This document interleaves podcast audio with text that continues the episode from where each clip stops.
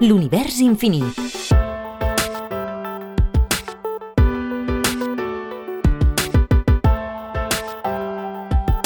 Agrupació Astronòmica de Sabadell. John Gottridge, el brillant astrònom sord.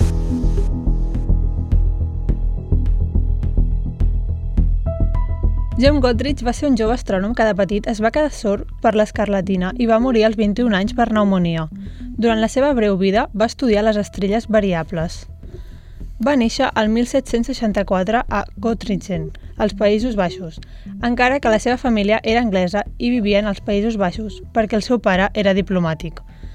Als 5 anys va patir l'escarlatina i va quedar sord. Als 7 anys el van enviar a una escola especial d'Edimburg, la primera escola per a nens sords de les Illes Britàniques.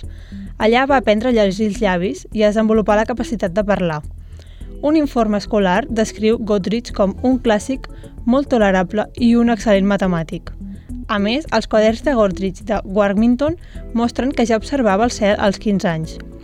Després, va assistir durant 3 anys a una escola especial a prop de York, on es va convertir en un perspicaç astrònom aficionat.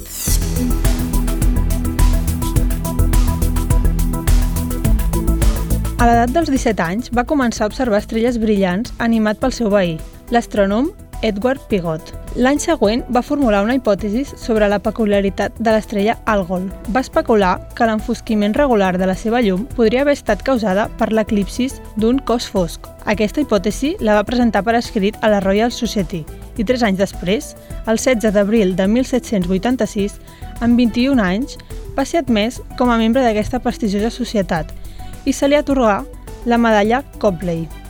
Ara bé, Quatre dies després va morir de pulmonia. Al 1890, 104 anys després de la seva mort, es va demostrar que la seva hipòtesi era correcta. L'any 1784 va descobrir que l'estrella beta Lyrae també era variable.